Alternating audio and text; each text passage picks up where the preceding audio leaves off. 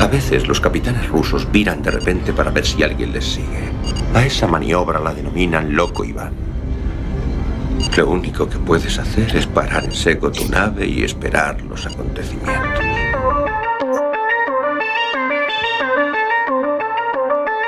Galasphere 347 of Space Patrol calling unidentified ship.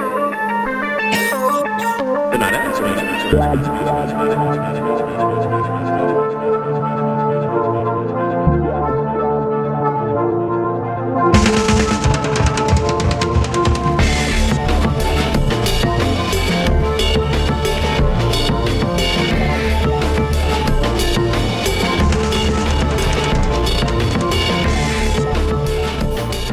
Moi boa noite a todas e a todos. Prepárense para pasar unha velada pontificante no submarino nucelar máis intrépido de toda a Unión Soviética. A semana pasada foi semana de pontes, como ben saben vostedes.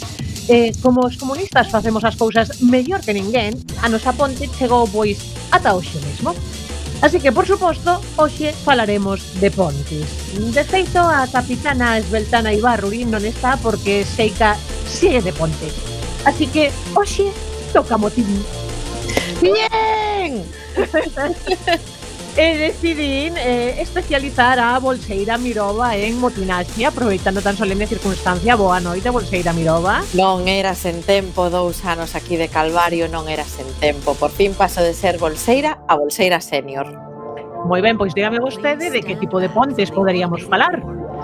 Pois hoxe podemos falar pois de pontes, de pontes aéreas, de pontes colgantes, de pontes de, de Dulce Pontes, eu que sei, pues será por Pontes, por favor.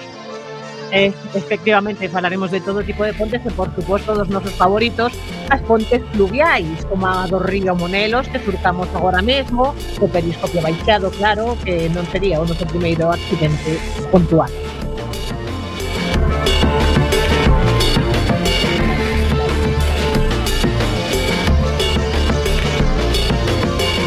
Pero non nos amotinamos toas.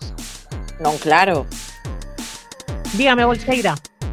Non, digo que non nos amotinamos soas porque senón vaya birria de motín, por favor, un motín de dúas persoas, iso é unha tristura absoluta.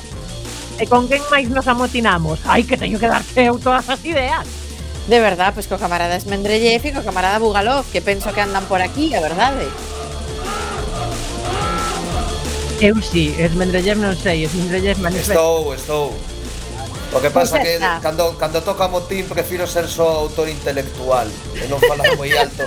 Por se logo volve a capitana e nos fusila a todos. Están nos desertos remotos e montañas extrañas. Un eh, motín de eh. catro persoas, isto xa pode sair ben. Xa só pode sair ben, vaya.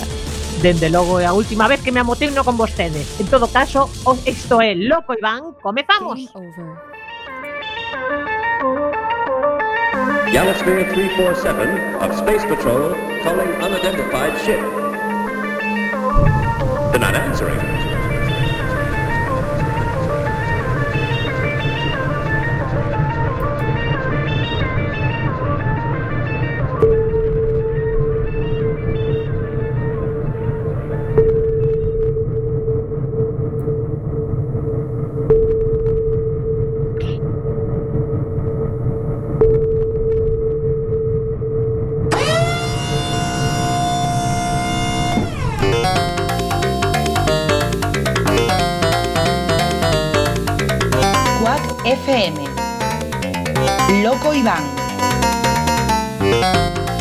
Copio.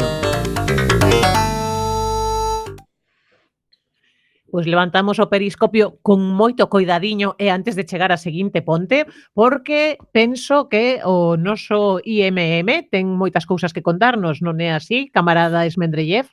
Pois algunha teño, algunha teño. Para empezar, que saibades que o pasado sábado de Ponte 11 de decembro, no Teatro Gofre, estreou o Teatro Bucanero eh, unha obra con guión de, do recentemente finado perdón, Lino Brasi. Perdón, Esmendrellev, o Teatro sí. Gofre, en serio?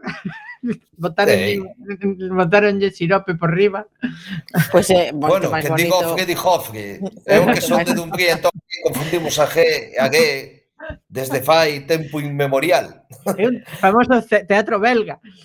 Eu reivindico a geada e que xa me dirás ti que que aportan os belgas aquí a, a, a, a os, os mexillóns con patacas fritas. Bueno, os bombóns non están nada mal. O chocolate, a cervexa, non sei, eh, alguna bueno, vale, vale, eh, vale, vale, a favor vale. de chocolate a cervexa, pero Quero dicir que un pobo que ten como Pablo gastronómico, plato gastronómico de salgado, os mesillóns con papas fritas, non sei, non sei. Eu hai que revisitar iso, sí, hai que ir a Exactamente, hai que revisalo.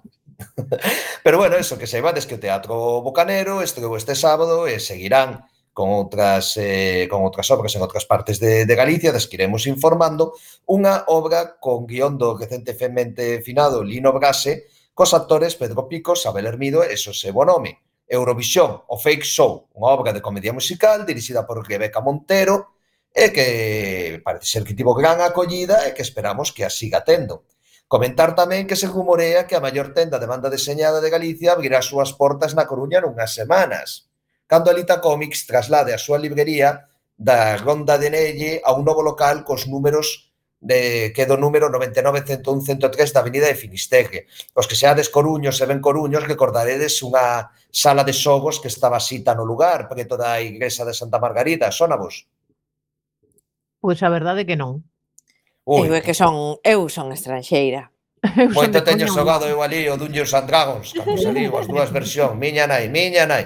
Aparte que era un tío de puta madre que estaba ali e deixábanos botar as partidas moi moi a gusto. É unha pois pues mágoa, é unha mágoa que esta Hanov non quixera eh, amotinarse con nós porque seguro que el podería terche aportado algo de información tamén sobre o tema. moi posiblemente. E para que matar, comentar que o Carballo do Bosque do Banquete de Conso, cito, na Coruña, foi o gañador do certame da árbore española do ano 2022 e con 22.974 votos, co cal pois irá a árbore europea. É un corpus globur de 30 metros de alto, 3,5 metros de circunferencia, o que ven sendo un carballo, vamos, grande de carallo, dun 250 anos de idade. Simpolle Carballo, de máis de 250 anos do que falamos, é a árbore máis antigua do histórico bosque do banquete de Conso. Atópase ao pé dun dos camiños dun novo espazo natural situado ao sur de Santiago de Compostela, E bueno, novo entre comillas, que pasa? Este monte estivo pecho despois de 133 anos inaccesible. Levaba así concretamente desde 1885, data na que se atopaba a finca original, inda onde se atopa, o Carballo non se moveu, non, non foi andando por aí, pero naquela, pois, tiña máis de 20 hectáreas eh, bañadas polo, polo Guiosar, estaba destinada a ser o espazo para internos do entón moi moderno asilo de Conso por aí pasamos moitos deste submarino. Entón, bueno... Fala por ti que un zungo rebullón. bueno, bueno, eh, un polo outro tanto tanto monta. Coñecémonos todos, Toen, Conxo, Paco, o sea, Entón, bueno, a cuestión que estamos ante un símbolo, non? Un auténtico cofre botánico que foi que existiu a tal indiscriminada e os múltiples incendios que acasaron moitos dos nosos bosques galegos durante o 19 e o 20 e, e ese bosque en, Orixe albergaba hasta mil carballos, agora somente quedan 40 dunha finca duns 15.000 metros cuadrados e que saibades que este bosque fascinaba a nosa boa Rosalía de Castro, que é a grande poetisa galega, denunciaría dende 1881 a tal incontrolada de moitos destes carballos, así que só quedan 40, non lle fixeron a esta boa muller nin puto caso, e que o fixo nun poema titulado precisamente así, Os Carballos, no seu libro Na Beira do Sar, en 1884. Eh, Agora non vou poder quitar da cabeza a imaxe do, con, do concurso de árbores desfilando en bikini coa banda así de lado. Por favor, vaya a existirse. Tipo, pero tipo eh, o Señor dos Anéis, sabes? Pero así en, así, sí, sí, sí. Y con discursos sobre a paz mundial y este tipo de este tipo de cousas. Efectivamente. Oh, eh, vaya. E, Home, e moi que... medioambientalistas es oficio. Claro, bueno, bueno, mira que hai xente que está en contra da especie. Os eucaliptos non, penso que non, eh? claro. Pois que perdan. Imos deixar os bosques, imos volver ás pontes e para falar de pontes facemos inmersión.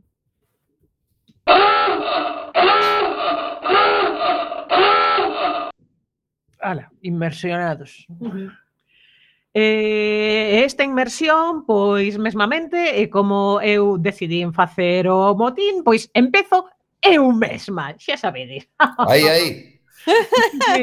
o, empeza a non gustarme tanto este motín, eh? Hai que empezar a falar destas de cousas primeiro. Aprenda vostede. Primeiro que a verás, primeiro. cando deixe de ser bolseira senior e sexa bolseira senior senior, entón xa verás que motivo plus, facer. Senior plus, senior plus, premium.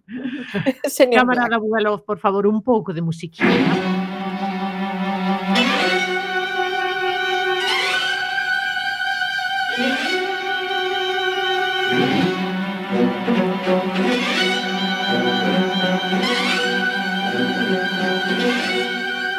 Home, como isto é un motín épico, pois a música tiña que ser épica, como épica é a ponte da que imos falar, que é a ponte de Midgard, que é eh, unha ponte da que nos falan na mitoloxía nórdica, eh, chamanlle de Frost, que ven sendo como Camiño Brillante, tamén Bill Ross, que pode ser Camiño Fugaz, é unha ponte que une Midgard, que xa sabedes que é o mundo dos homes, e Asgard. Xa sabedes, onde viven Thor, Odín, Freya, e toda esta xente.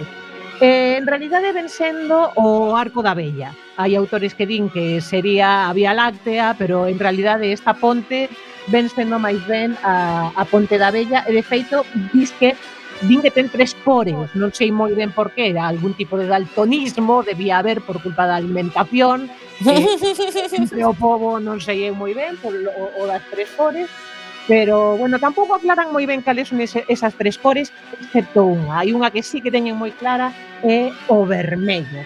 Porque que... Igual estaba en RGB ou algo así. Pois pues mira, ben pode ser. Eh, o caso que din que eso, iso, que o vermello é eh, lume, evidentemente, que impide que os Jotun poidan cruzalo e tomar asgar. Os Jotun, claro, son gigantes de xeo. Entón, está ben pensado o de ter pois unha parte de lume na ponte, porque si, sí, os gigantes de xeo poden cruzalo.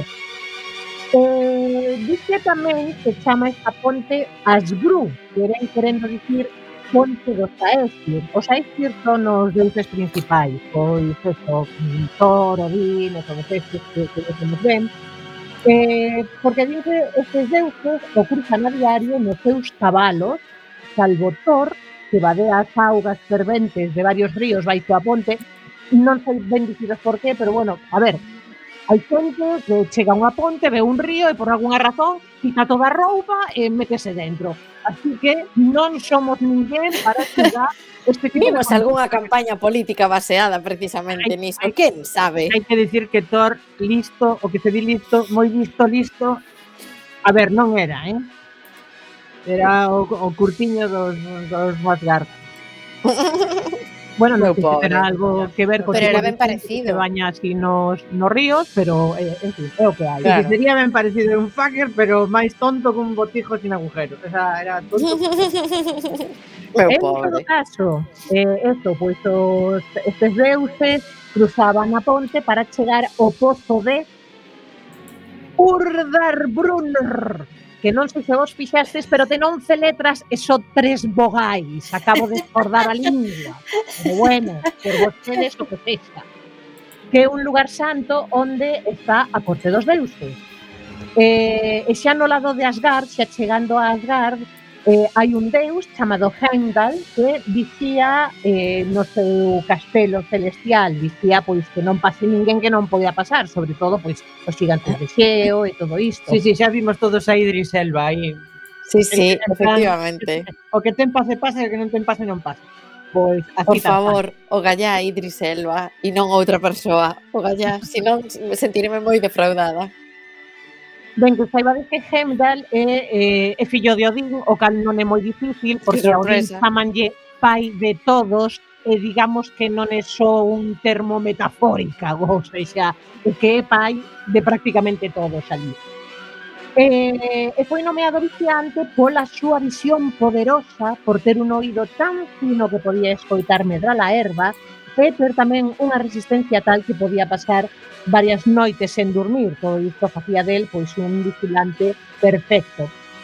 Segundo a profecía, a ponte será destruída no Ragnarok, que xa sabedes que ven sendo pois a, a apocalipse pois vista polo, polos nórdicos. Xa que, bueno, será destruída polos exércitos de Muspelheim, que tamén son xigantes, pero claro, vos pensades, se non podían pasar os xigantes do xeo, que tipo de xigantes poderían pasar esa barreira?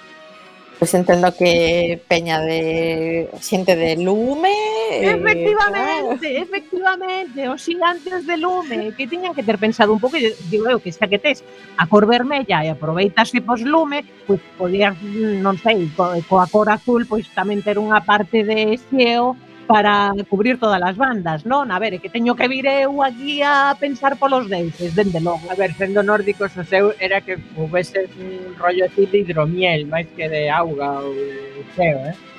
Bueno, sí, vos uns tonéis aí ao principio da, do, do lugar e xa emborrachanse todos e non pasa ninguén. Así e, e, e tal cal un non podes pasar, non, non podes pasar porque non ves nin por onde vas. Non Pero pasar. eu aí xo chamolle un martes pola tarde, o sea... Pois sí, unha cousa así.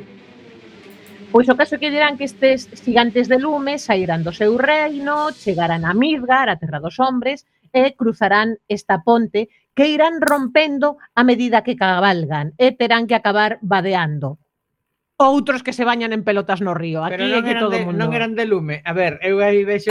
vexo lle ibas esta historia. Vexo que... Bueno, a ver, seguro que teñen certa quentura que hai que refrescar nalgún momento. Entón, Heimdall eh, foi provisto polo seu pai dun instrumento para a, avisar do momento en que estas hordas cruzaran eh, a, a ponte, marcando así o inicio do Ragnarok. E todos podemos imaginar que tipo de instrumento era esa, non? Unha gaita, evidentemente, porque todos sabemos que se ti estás vixiando unha ponte, pois deberías ter unha gaita. Bueno, pois non. No, e porque o inicio da apocalipse, o inferno e lugares así de hostiles, por suposto, están plagados de gaitas e zanfoñas porque non se me ocurre un instrumento eh, eh, máis É o que ia dicir, se non é unha gaita, se non é unha gaita ten que ser unha zanfoña, pero vamos fijo, pois fijo, fijo. É, é super rápido, eh, para dar alarma unha gaita. Imaginade, claro. están, que veñen os que veñen os xigantes de lume, esperade que, que corron corronfón, que si tal. Pero para iso chegou Evia, para salvarnos a todos deste problema. Claro, ao, ao final o Ragnarok foi porque non estaba inventada a gaita MIDI. ¿Ves? Claro. Claro, será. Bueno, pero será ese iso. problema, ese problema que que só toca zanfoña, eh? Eu... Tamén, tamén. Pois si, sí, tería sido todo moito máis fácil cunha gaita e cunha zanfoña, pero non, non, no. ao final pois eh, Odín non era tan creativo, e limitouse a, a darlle un corno, por non mandar o fillo ao corno, pois deulle un corno, e, e foi o son do corno o que o que marcou o, o inicio do pois, Ragnarok. Pois ten aquí, o seu aquel chiflar un corno, eh? Sí, home, sí. Que tamén é como eh, a metade das veces soa como Sí, sí, porque é que realmente non é tanto soplar como facer un é, é que é moi difícil explicar isto polo, pola radio. É como facer unha especie de Claro, é como soplar, é como soplar unha buguina ou algo así, ti ves a xurros sí, outros no, soplando no unha buguina e dis ¡Uf, facilísimo! E resulta sí. que no, o sea, é unha das cousas máis complexas que eu vi. Arte da resoancia. Eh, o que... Sí, sí. sí, sí. Pois unha vez tendo chegado Ragnarok, pois xa non hai Cristo bendito nin, nin Lenin que o supere. Así que a ver que neolisto que pode superar a historia da ponte de Midgar. Mm, por exemplo, eh, Bolseira Mirova, anímase vostede a tentar algo? Home, pois por supostísimo, pero eu, eh, como isto solo se pode levantar con música, eh, por favor, camarada Bugalov, último moicano te retira el saludo, si grande cuando tú estás pasando. No se cree que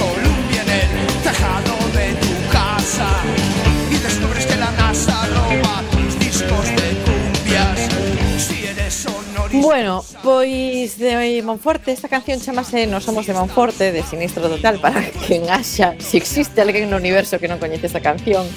Eh, pois a ver, eu de Monforte tampouco son, máis ben de Vigo como os meus ben queridos Sinistro Total, que cantaban toda esta serie de calamidades que relata esta maravillosa canción. Eh, sí, nos tempos que corren son consciente de que dicir por aí que es de Vigo é todo un exercicio de valentes, a verdade.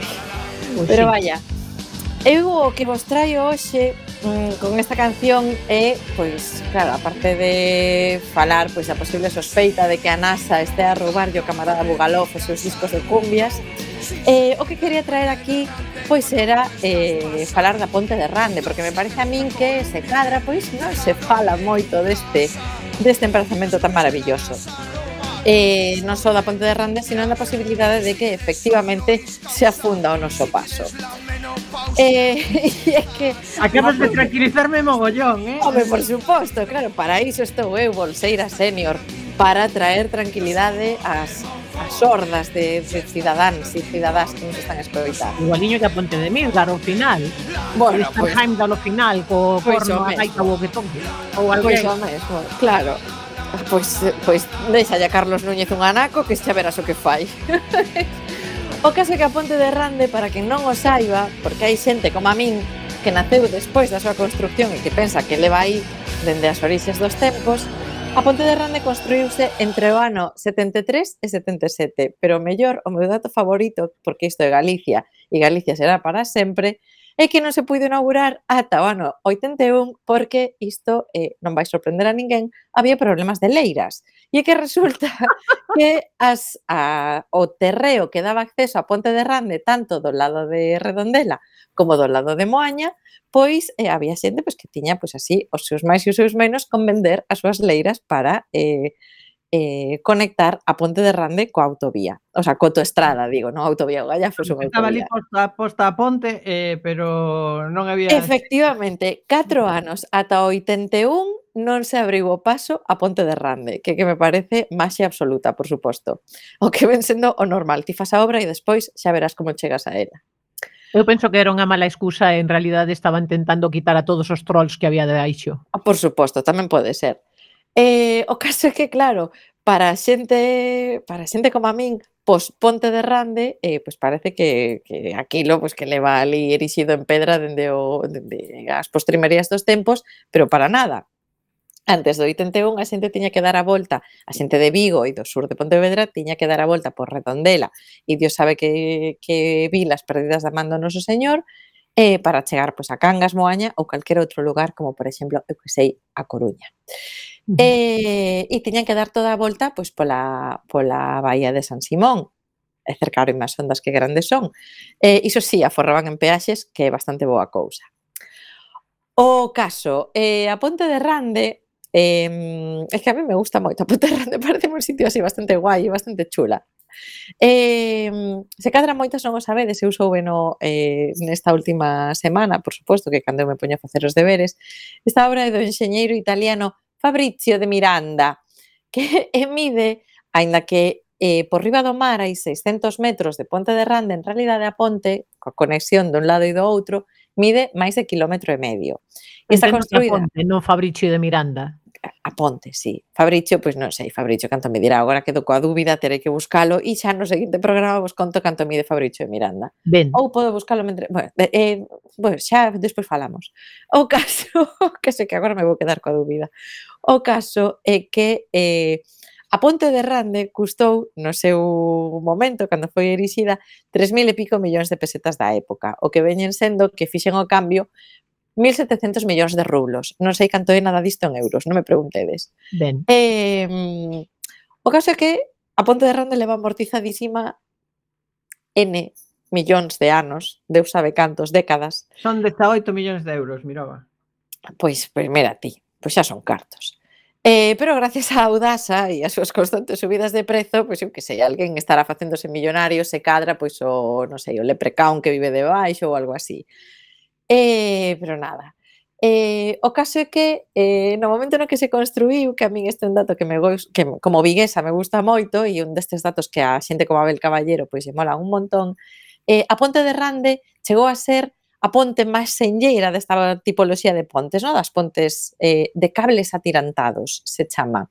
Uh -huh. eh, sendo a máis popular no momento no que foi erixida e a número un das pontes atirantadas da Península Ibérica. Eh, non sei se si como as luces de Nadal se vía dende a Estación Espacial Internacional, pero isto para un vigués medio pois pues, é un dato importante. Eh, pero o caso que luces na Ponte de Rande. Poñen, poñen. Ah, bueno. Por desgraza, Entonces, o sea, por desgraza, poñen, poñen, pois, pues, pois pues se terá que ver, porque outra cousa non, pero lucerío. Vamos, o Golden Gate, sopa de sobre. Uh -huh. eh, o caso é que a día de hoxe, pois a Ponte de Rande, claro, foi perdendo así un pouco o seu caché e xa figura pasou de ser o número un das pontes atirantadas a figurar no número 103 da lista de pontes atirantadas eh, máis chulas e senlleiras do noso planeta. O 103.4 o número. Sí. Efectivamente tamén, para que así metemos a cuña de paso, para o que temos quedado, en fin. Eh, non sei se algunha vez todo isto viña a unha imaxe que eu vin unha vez que me deixou moi flipada. Non sei se algunha vez tendes buscado as imaxes da construción desta ponte. A min é algo que me gusta, que me gusta moito, no? buscar imaxes dos lugares onde vivo de hai tempo, pero non de, de hai séculos, sino de décadas anteriores, porque molame, gustame moito ver pois, como van progresando pois, as, os, os barrios, as vilas e, e demais. O caso é que eh, non sei se algunha vez buscastes imaxes sobre o proceso constructivo da Ponte de Rande. Eu recomendo a calquera persoa, as mm. cinco persoas que están escoitando agora mesmo en directo este programa e as que o estean escoitando en diferido, que serán millóns, eh, que abran o seu buscador de preferencia e tecleen proba de carga de pon da Ponte de Rande. E van a flipar porque na imaxe vese dúcias e dúcias de camións cargados en peso eh, que fixeron a proba de carga máis tensa da historia. Imaginade ali, no medio da ría de Vigo, eh, un montón de señores metidos en camións cargados de pesos rezándolle o que sei a San Cucufato para que non vaya todo a saudar os peixes. Mm, pois digo, eu. Di, que en Dios peixes di algún que outro tesouro. O caso é que despois desa, desa proba de carga virían anos e anos de tráfico rodado e a día de hoxe eh, a Ponte soporta, que este é un dato que a mí me pareceu moi flipante, máis de 90.000 vehículos diarios, que me parece eh, moi alucinante, o sea, é increíble a cantidad de... A prova de, de carga facía falta, sí. A prova de carga era moi necesaria. Eh, e eh, eu, para rematar, solo deixo, aparte de pedirvos que por favor busquedes esas imaxes que son moi guais, eh, só vos digo que É unha auténtica mágoa que a Ponte de Rande a utiliza xente para pasar en coche por arriba, co que mola pasar mm. en submarino por debaixo. Xa o dixo no seu día o excelso Xulio Verne. E con isto, aquí vos deixo. Pois moi ben, camarada Mirova. Pasamos a continuación co Tovarix Esmendrellev, que ten vostede que contarnos de Pontes, camarada. Bueno, pois algunha cousiña, se o camarada Bugalov pode poñer a primeira curte. Home, claro que sí.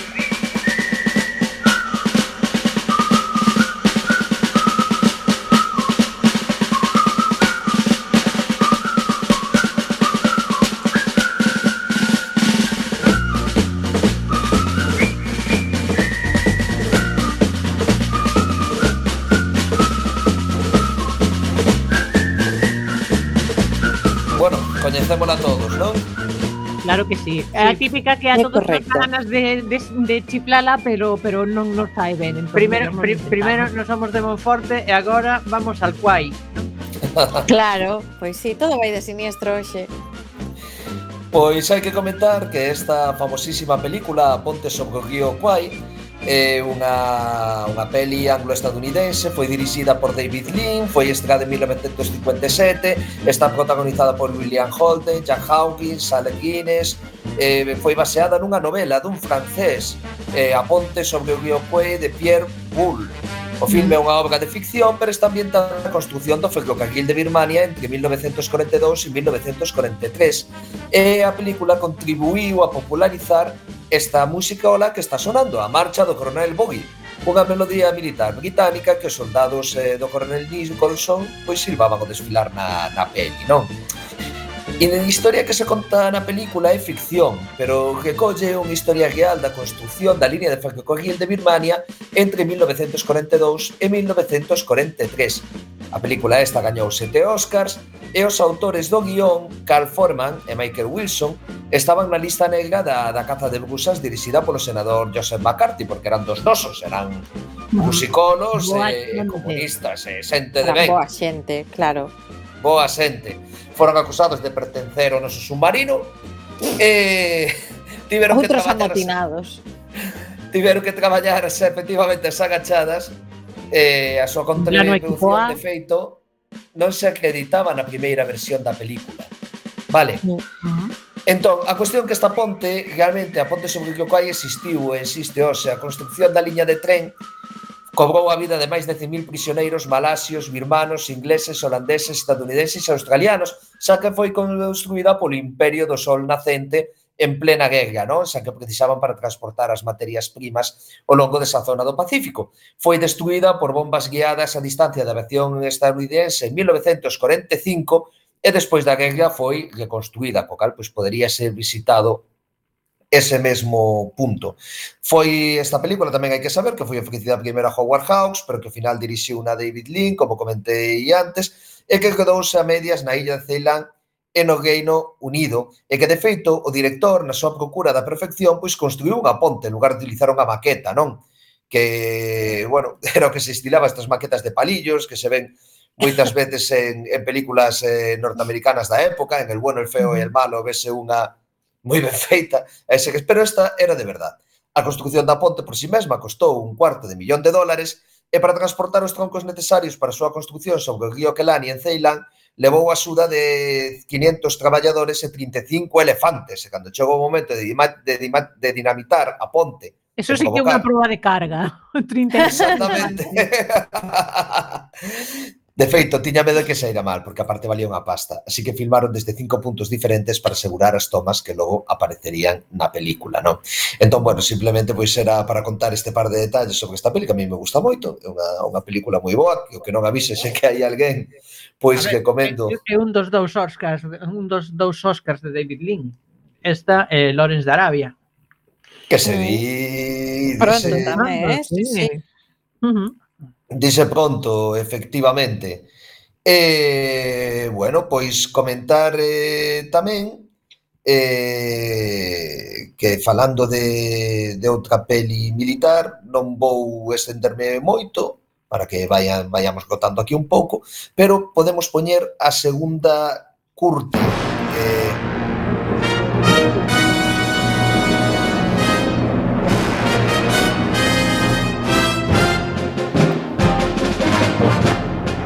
Mm, esta igual non é tan coñecida.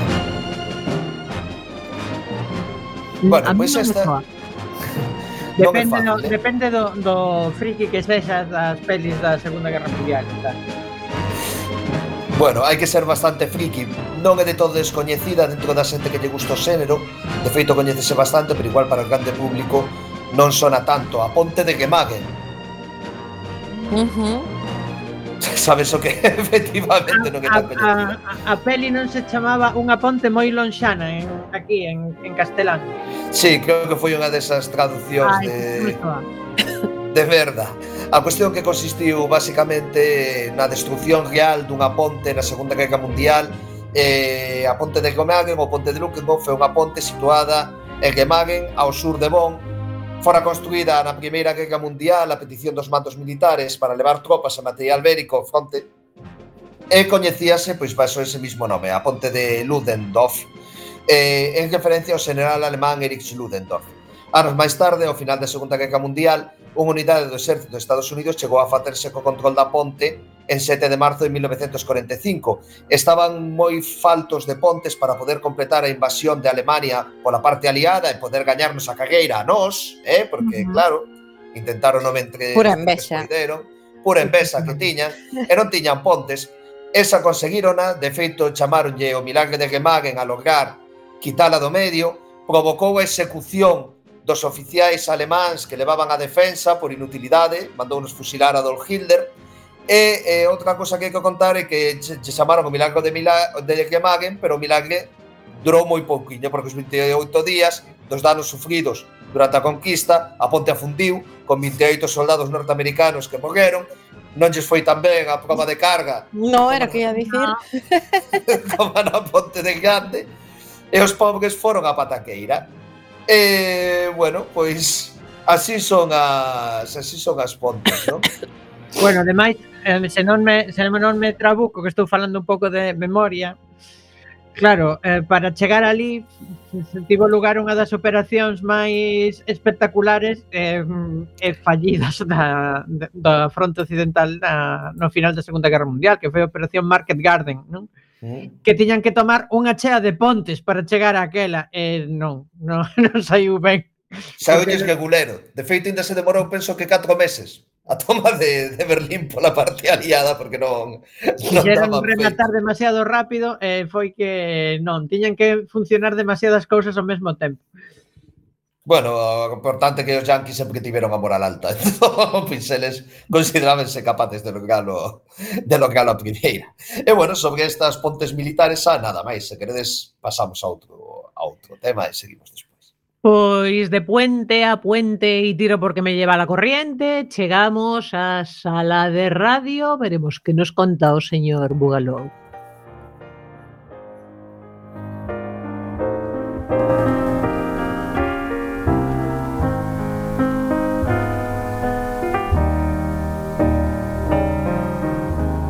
Pontes, non? O tema é escoller que pontes, porque pensei en poñer a Dulce Pontes, pero igual, bueno, Ya.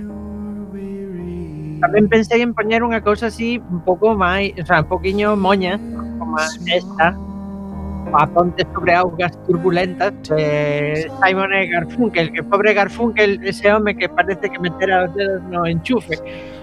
Ese actor secundario pop, pero pero en plan americano. Bueno, americano como actor secundario pop, hay que decir, en plan, en plan pelirrojo, ¿no?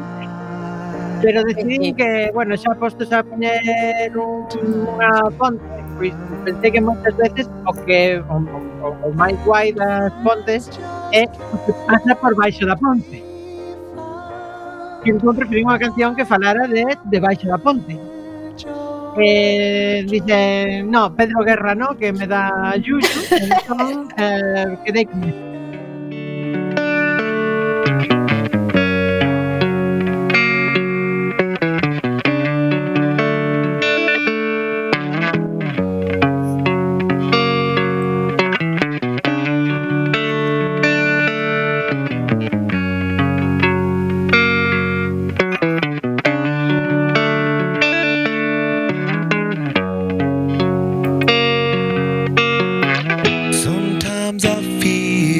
like I don't have a partner.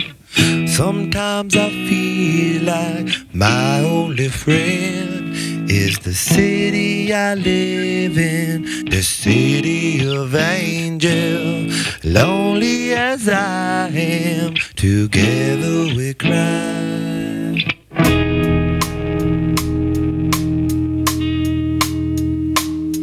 I drive on the streets my companion. I walk through the hills cause she knows who I am.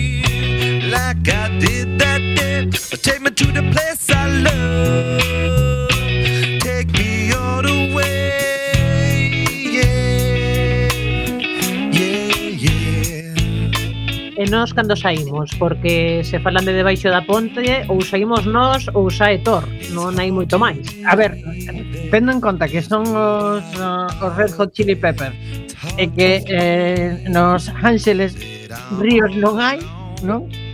debaixo da ponte pasará outra autopista, non? Outra outra estrada.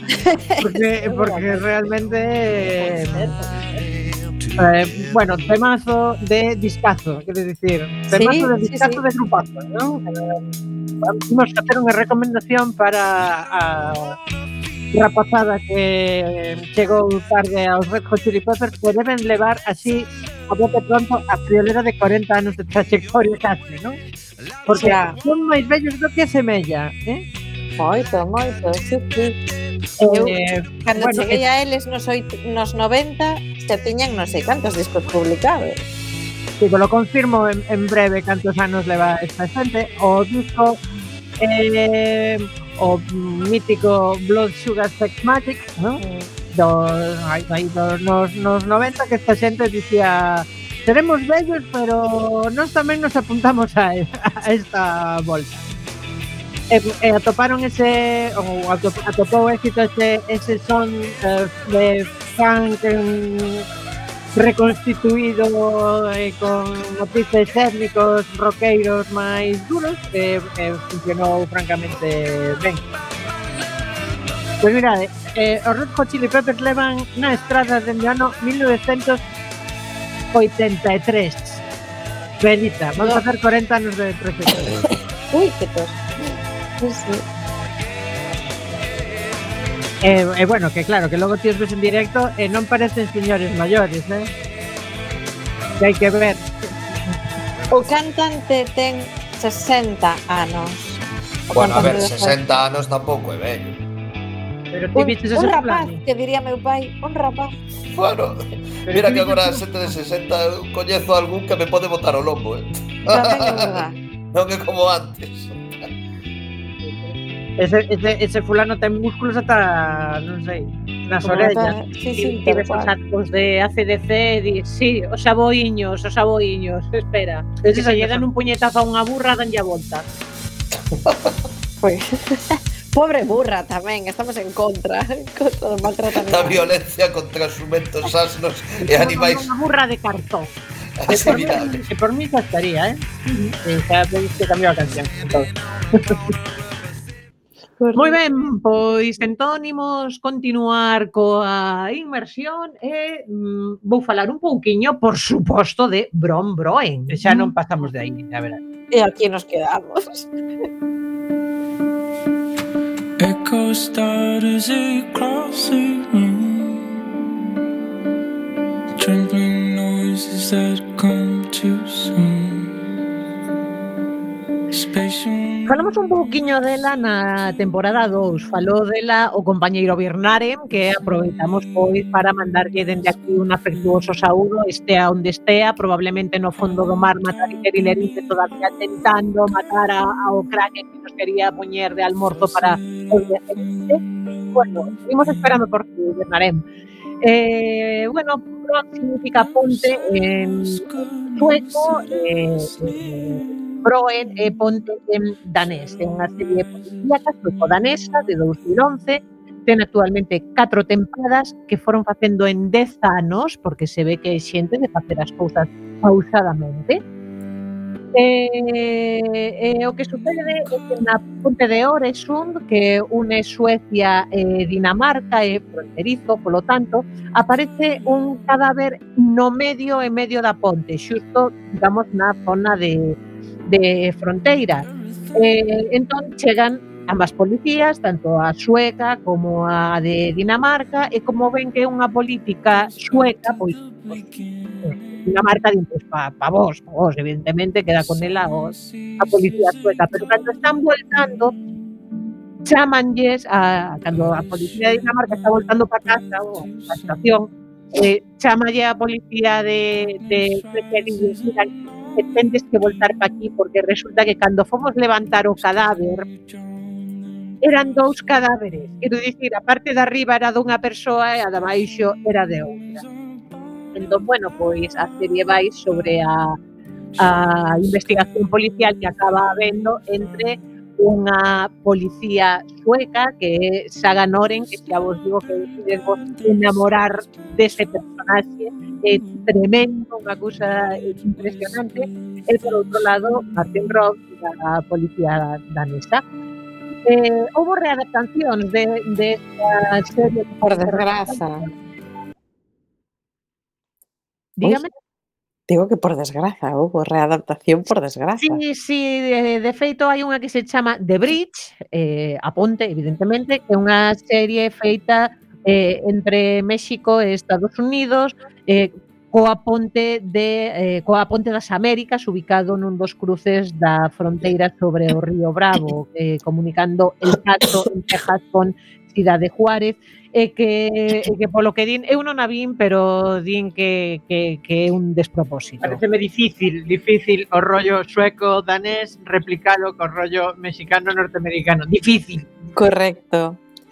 Existe Creo... outra que se chama The Tunnel, que, que é eh, franco-inglesa, que, que como no... Na Mancha. De de Mancha, non? Sí, sí, sí, sí. Eu, eu lera sobre esa, o sea, sobre a Yankee non quixen saber nada e sobre a sobre a anglo-francesa eh, lera algo e tamén foi como no, isto non quero saber nada, grazas. No, non hai como original. Ajá.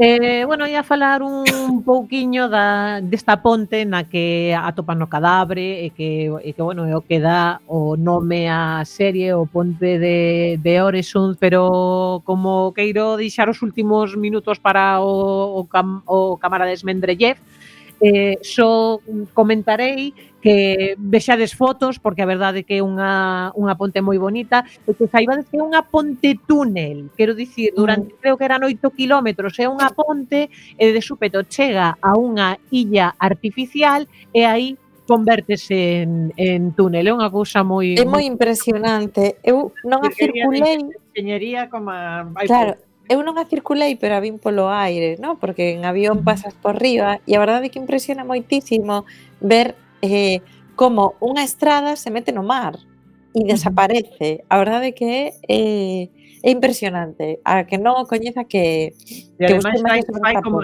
describe como unha curva, entonces hai mm. unha curva e un desaparece un de rarísimo e que se mete no, no medio da terra, mm. unha cousa espectacular de posible. Sí, Igual sí. casi impresiona máis desde o avión, porque claro, desde a caquetera como un está a nivel pois... Claro. Sí, seguramente non te das conta. Pero bueno, buscadeo porque ten que haber fotos a dolor na, na web e eh, eh, de verdade que é ben curioso. Así que, eh, Cámara de Esmendrellev, mm, como ve? Ten vostede aí como sete minutiños, seis minutiños para meter algo? Teño, teño. Imos adiante. Pois nada, simplemente comentar, eh, falando de pontes guiais, porque vamos pasar das guiais ás metafóricas en breve, non? Hai unha que me encantou sempre, imagino que como a todo o mundo, porque vemos mil veces eh, en televisión, especialmente en películas estadounidenses, que é o Golden Gate.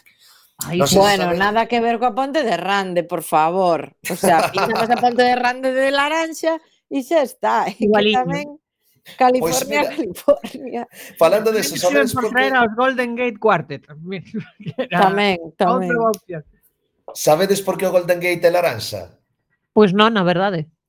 Pois o caso que é laranxa simplemente que porque nun momento dado, cando chevaron o material para empezar a construir a ponte, levábano con minio decir cunha, cunha capa protectora de cor laranxa. Non foi unha idea brillante que tivera un deseñador ni nada. Puseron Entendo así... que a mesma pintura que lle botas ti, no, pues, as pois cousas de fora as cancelas, as claro, cancelas sí, sí, das leiras, cancela, este no portal, tipo de efectivamente, para Foi vale, pura deixadez, vamos, por non darlle logo outra man de pintura. O caso que o estou a favor, estou a favor o enseñero consultor que tiña ali, moloulle tanto ese gollo de portal galego, esa coriña, que dixo, ah, bueno, pues ya queda tan bien que ya la pintura de verdad se la ponemos del mismo color, no, eh, así quedou. Pois pues desa bonita cor laranxa. E hai que dicir tamén, non vos chamo un pouco, sabedes que gate é porta ou pórtico, non? En inglés. É porque a unha ponte lle chaman Golden Gate. Sorprende. Pois basicamente porque está bautizado o estreito que cruza a ponte que é a entrada da baída de San Francisco chamouse eh, Crisopilae ou algo así, non sei pronunciar en grego antigo, polo primeiro explorador que é John C. Fremont, o capitán Fremont, eh, para vostedes, porque lle recordou o estreito de Estambul chamado Crisoceras, que significa corno douro. Entón este significa literalmente porta dourada. E de aí Golden Gate. Pese oh. que este oh. tipo era un pedazo de gancio, polo menos tan, tan intelectual moderno de merda. Mi madriña a intensidade. Asasperante, sí, sí. non? Un pouco. Como podería ser eu mesmo, non? Pero a min gústame porque esta ponte tráeme ese concepto que xa falamos a ponte metafórica, literario, de que a ponte é unha separación entre dúas realidades, non? Algo que che permite ir dun lugar a outro, que realmente non é diferente dunha porta ou dun pórtico. Non sei se algún de vos leu Neverwhere, que é unha novela de Gaiman, curtiña, moi coñecida, que a mí molame máis que, por exemplo, Goods of America, e que trata do Londres da riba, o que coñecemos que está separado do Londres máxico da baixo, por unha serie de extrañas portas agachadas polo destiño que a xente, como por exemplo os mendigos e os tolos, pois poden cruzar. E como ali tamén fala de, de abrir portas e de abrir pontes. Este concepto de ponte-porta tamén existe moito na, na ciencia ficción, non? Donde oímos falar de pontes estelares ou de portas uh -huh. estelares, Stargate sería sí. sería un exemplo, non? Pero falando posiblemente deste concepto o máis famoso, poderemoslo escoitar na terceira curte, se a aquí o compañeiro Bugalov. Yo he visto cosas que vosotros no creeríais. Atacar naves en llamas más allá de Orión. He visto rayos de brillar en la oscuridad cerca de la puerta de Tannhausen. Todos esos momentos se perderán en el tiempo. Como lágrimas en la lluvia. Eh, bueno, Eso aquí temos de morir. Qué bonito, a Constantino. morte Oh. máis famosa posiblemente da historia da ciencia ficción, non? E, e a mellor que presentada. Esta escena, que bueno, pues, supongo que a ninguén se lle escapará que é de Blade Runner, eh, da versión en castelán, non? Eh, fixo chorar o propio Philip K. Dick, Tamén é certo que Philip K. Dick era unha persona un tanto inestable, non sabemos hasta que punto considerar isto como un momento de sensibilidade, non? Pero tamén chorar máis xente do que parto. Bueno, entón, salvo que que partera Philip K. Dick do que levaba, pois podemos entender que foi un momento de emoción, non? É unha mostra da creatividade de Gutenhauer, que cortou o original que lle parecía moi longo, o texto, e un coñazo, e meteu as lágrimas na choiva e a porta de Tannhauser. Hai que pensar que este home non en van era un actor de teatro boísimo e tamén un gran actor de, de cine, ten maravillas como Señores do Aceiro, bueno, non vou entrar agora en todo o que fixo, porque fixo tamén moita broza. Bueno, señores de Aceiro, que menudo hostiazo, Señores de Aceiro, eh? Home, en que sentido? No sentido de, de taquilla. Falan diso precisamente eh, mm, eh, en que peli en que peli era que dirixía Paul Verhoeven destas ah, Robocop que viña dun fracaso de taquilla extraordinario. Por qué? Porque, aínda que a película eh, proxectouse e vendeuse, custara tanto. o sea, digamos no, que Paul, Ver, que Paul Verhoeven non, non aforra Cando, cando dirixe non é non é de, destes que miran moito para os cartos, eh, vai ao grande. Ai, pois a min pareceme unha peliculaza tamén, eh. Polo menos tanto como Blade Runner, no seu estilo. Eh, a ver, para, para os yankees, estou falando de, claro, que fala dela é a perspectiva yankee, que, que teñen unha visión do cinema un pouco diferente aos europeos, claro. Entón... Mm. Bueno, pois isto, o caso que, que este home era un gran actor de teatro, E hai que falar que neste caso, cando falaba da porta de Tannhauser, falaba de atreverse a cruzar as portas do prohibido, era unha referencia a eh, un poeta chamado Tannhauser, sei que o pronuncio ben, eh, que morreu no 1270 e que foi coñecido pola súa obra que se pode datar no período de, 2000, de 1245 a 1265. Converteuse ao redor do século XV eh, no seu nome eh, nun nome de lenda, non? E nesta lenda Tannhauser pasa de ser poeta a convertirse nun cabaleiro, trovador, poeta, que descobre o monte de Venus, Venusberg.